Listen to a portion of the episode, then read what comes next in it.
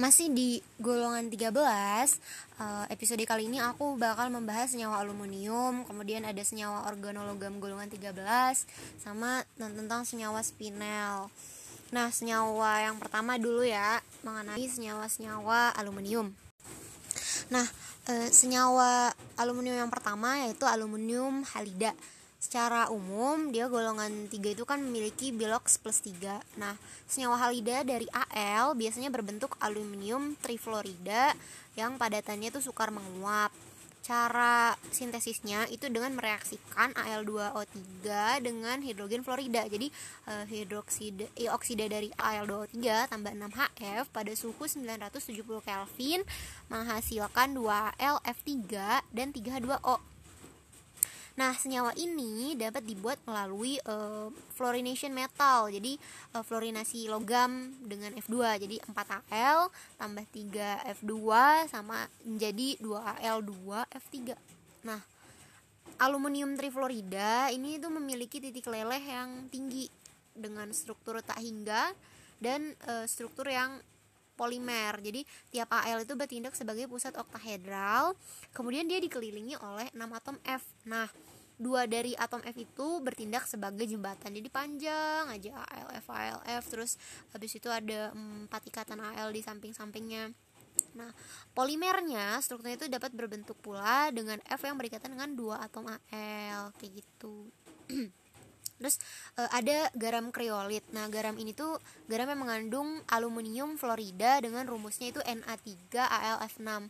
Senyawa ini dibuat dari persamaan berikut nih ALOH3 ditambah 6HF tambah 3NaOH akan menghasilkan Na3ALF6 tambah 6H2O Nah, kriolit ini sering digunakan untuk e, menurunkan suhu leburan alumina atau Al23 pada proses pemurnian dari alumina.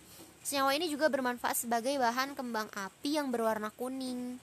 Nah, aluminium klorida anhidrat adalah padatan yang sangat uh, higroskopis. Kalau tadi kan uh, ALF sekarang AlCl3 nah uh, yang anhidratnya dia higroskopis. Senyawa ini dapat dibuat dari logam Al yang diklorinasi. Jadi 2 Al tambah 3 Cl2 menghasilkan 2 AlCl3 nah struktur dari padatan ini berlapis-lapis. Setiap klor dia terkoordinasi pada aluminium secara oktahedral Nah, kalau misalnya suhu rendah, si AlCl3 ini bentuknya dimer. Jadi Al2 Cl6 dengan Cl sebagai jembatan. Jadi ada dua. Jadi Al-nya sama kayak yang si B, dia mengikat Cl-nya dan memenuhi e, orbital P pada atom Al jadinya penuh. Nah, strukturnya itu e, struk hanya salah satu dari struktur e, dari layer kristalin AlCl3. Kalau misalnya dari atasnya itu Cl-nya itu sebagai jembatan. Senyawa ini juga bisa larut dalam air. Jadi membentuk kompleks ya si AlCl3 ditambah H2O menghasilkan AlH2O6 3 plus tambah 3 Cl min nah aluminium itu kan bersifat amfoter ya. Nah jadi eh, dia itu juga bisa bereaksi dengan asam dan basa eh itu di lain hal sih bukan aluminium halida. Nah, selanjutnya adalah senyawa aluminium aluminium oksida. Nah, senyawa aluminium oksida itu disering disebut sebagai alumina. Nah, terdapat dua bentuk alumina yang secara umum e, banyak dipakai ya. Maksudnya kayak sering gitu. Itu ada alfa alumina atau alfa Al2O3 dan gamma alumina Al2 gamma Al2O3. Ini alumina aktif senyawa ini dapat disintesis kalau Al Al23 ini bisa disintesis dengan metode sol gel. Nah, ini kan praktikum pertama ya, modul yang satu. Uh, dia itu reaksinya dehidrasi jadi kayak ada 2 LOH3 sol pada suhu 550 derajat membentuk gamma L2O3 tambah 3H2O. Senyawa ini juga digunakan sebagai fase stasioner pada kromatografi. Nah, alumina bersifat amfoter yang dapat e, bereaksi dengan asam maupun dengan basa yang tadi aku bilang nih. E, ya, soalnya si Al2O3 bisa e, direaksikan dengan asam mm, dan e, menghasilkan H2O. Jadi kayak penyetarannya redox gitu. Nah, itu belajar lagi ya. Jadi reaksinya tuh Al2O3 tambah 6H plus menghasilkan 2Al3 plus tambah 3H2O itu untuk e, reaksinya dengan asam Nah kalau reaksinya dengan basa Al2O3 tambah 2OH min tambah 3H2O dia itu menghasilkan kompleks jadi 2ALOH 4 min larut tapi dalam bentuk kompleks kalau yang satunya ya 2Al3 plus Terus Al2O3 juga bisa bereaksi dengan air menghasilkan 2ALOH3 solid. Jadi e, bentuk endapan ya. Jadi Al2O3 tambah 3H2O menghasilkan 2ALOH3. Senyawa selanjutnya adalah aluminium hidroksida. Nah, senyawa ini dibuat dari reaksi pengendapan garam aluminium dengan basa. Contohnya nih, ada e, logam aluminium ditambah dengan 3NaOH, dia menghasilkan AlOH3 tambah 3Na.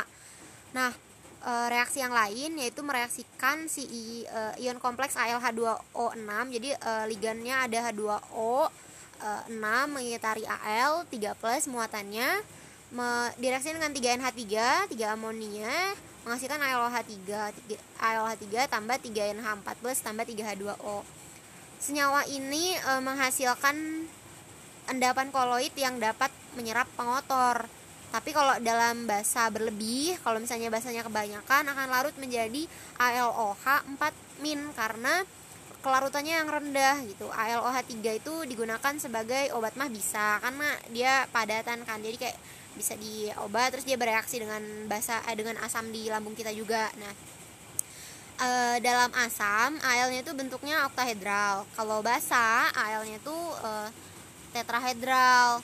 Nah, e, fasa tidak larutnya ALOH3 ya kalau dalam asam tuh bentuknya Al3 kalau dalam basa makin basa dia dia makin larut tapi bentuknya ALOH 4 min nah kayak gitu selanjutnya ada senyawa tawas aluminium itu yang keempat ya. Kalau tawas itu sebenarnya trivia trivial ya nama trivial nama di pasar. Tapi kalau misalnya e, senyawanya itu aluminium sulfat. Nah itu garam lengkap yang uh, rumus umumnya itu M plus M3 plus SO42 12H2O jadi bentuknya senyawa terhidrat ya. Senyawa M plusnya itu bisa K, bisa RB, bisa CS, bisa NH4 plus nah bisa M3 plus pokoknya ion berbilok plus 3 yang ukurannya mirip ya kayak gallium, indium, vanadium, kromium, mangan, ferum, kobalt nah kalau tawas ini itu mudah larut dalam air sebagai bentuk uh, ALH2O6 3 plus dan e, asam ya sifatnya. Nah, tawas ini di, bisa digunain sebagai penjernihan air karena koloid ALOH3 itu dapat mengendapkan kotoran dalam air. Dia bersifatnya tuh koagulan.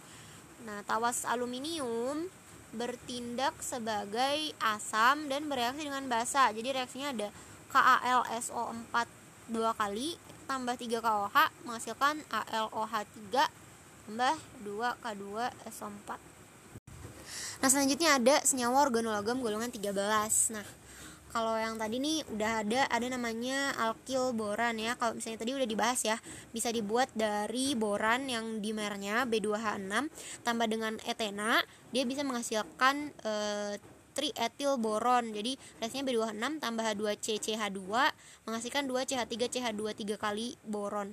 Nah senyawa alkil boran dalam asam akan menghasilkan alkana. Kalau e, misalnya dengan H2O2 atau peroksida menghasilkan alkohol terus sama-sama juga menghasilkan asam borat atau H3BO3 atau bisa juga disebut boron hidroksida sama aja karena sifatnya lebih asam kan nah e, senyawa organologam dari boron yang lain itu bisa juga dihasilkan dari reaksi B4Cl4 dengan 4 litium tributil. Jadi litium ya, ter, tersbutil, maaf. E, jadi tersbutil yang terikat dengan litium. Jadi B4 TBO hasilnya. Nah, kemudian ada reaksi ET2OBF3 atau e, etil 2 berikatan dengan O, kemudian B kemudian F3 nah itu uh, selanjutnya bisa direaksikan dengan 3 RMGX itu senyawa Grignard menghasilkan R3B alkil boron tambah 3 MgXF tambah ether Et2O nah kemudian ada bif, uh, trifenyl boron atau BPH3 ya direaksikan dengan natrium fenil jadi ada gugus benzin yang terikat dengan satu Na satu natrium menghasilkan NaBPH4 jadi Na plus tambah BPH4 min. Kemudian e, untuk organologam aluminium, jadi bisa dihasilkan dengan reaksi logam aluminium direaksi dengan uh, dietil raksa jadi R2Hg menghasilkan tri alkil aluminium terus menghasilkan juga 3Hg atau logam Hg nya dihasilin Nah, jadi reaksinya itu 2Al tambah 3R2Hg menghasilkan 2R3Al ditambah 3Hg. Nah, selanjutnya eh, logam Al bisa juga direaksikan dengan etena dan hidro, dan hidrogen ya. Jadi reaksinya Al tambah 3C2H4 tambah 3 per 2H2 menghasilkan CH3 CH2 Al, CH3 CH2 3 kali Al. Jadi um, masih menghasilkan senyawa alkil aluminium atau kalau di sini reaksinya karena dia reaksiin dengan etena menghasilkan trietil aluminium. Senyawa spinel selanjutnya ya yang aku senyawa spinel itu adalah satu mineral dengan rumus AB2X4 jadi A nya itu bi, e, logam biloxnya plus 2 terus B itu e, logam juga biloknya plus 3 nah terus kalau X itu oksigen biloxnya min 2 jadi sebenarnya bisa juga ditulis AB2O4 ya. Nah strukturnya itu kompleks. Jadi ada senyawa X, senyawa O nya menempati kubus berpusat muka. Nah FCC kemudian A menempati satu dari 8 lubang tetrahedral. Terus B menempati satu dari dua lubang oktahedral. Nah rumus molekul seluruhnya terdiri dari 8 sel satuan jadi AB2O4 8 ya. Contoh senyawanya ada MgAl2O4 jadi kan ada Mg kan 2 plus ya Mg 2 plus T Al 3 plus O O2 O2 min 4 itu uh, mungkin bisa dilihat di Hoscroft jelasnya ya strukturnya ya sampai situ aja senyawa yang golongan 13 yang dibahas. Selanjutnya akan dibahas episode selanjutnya golongan 14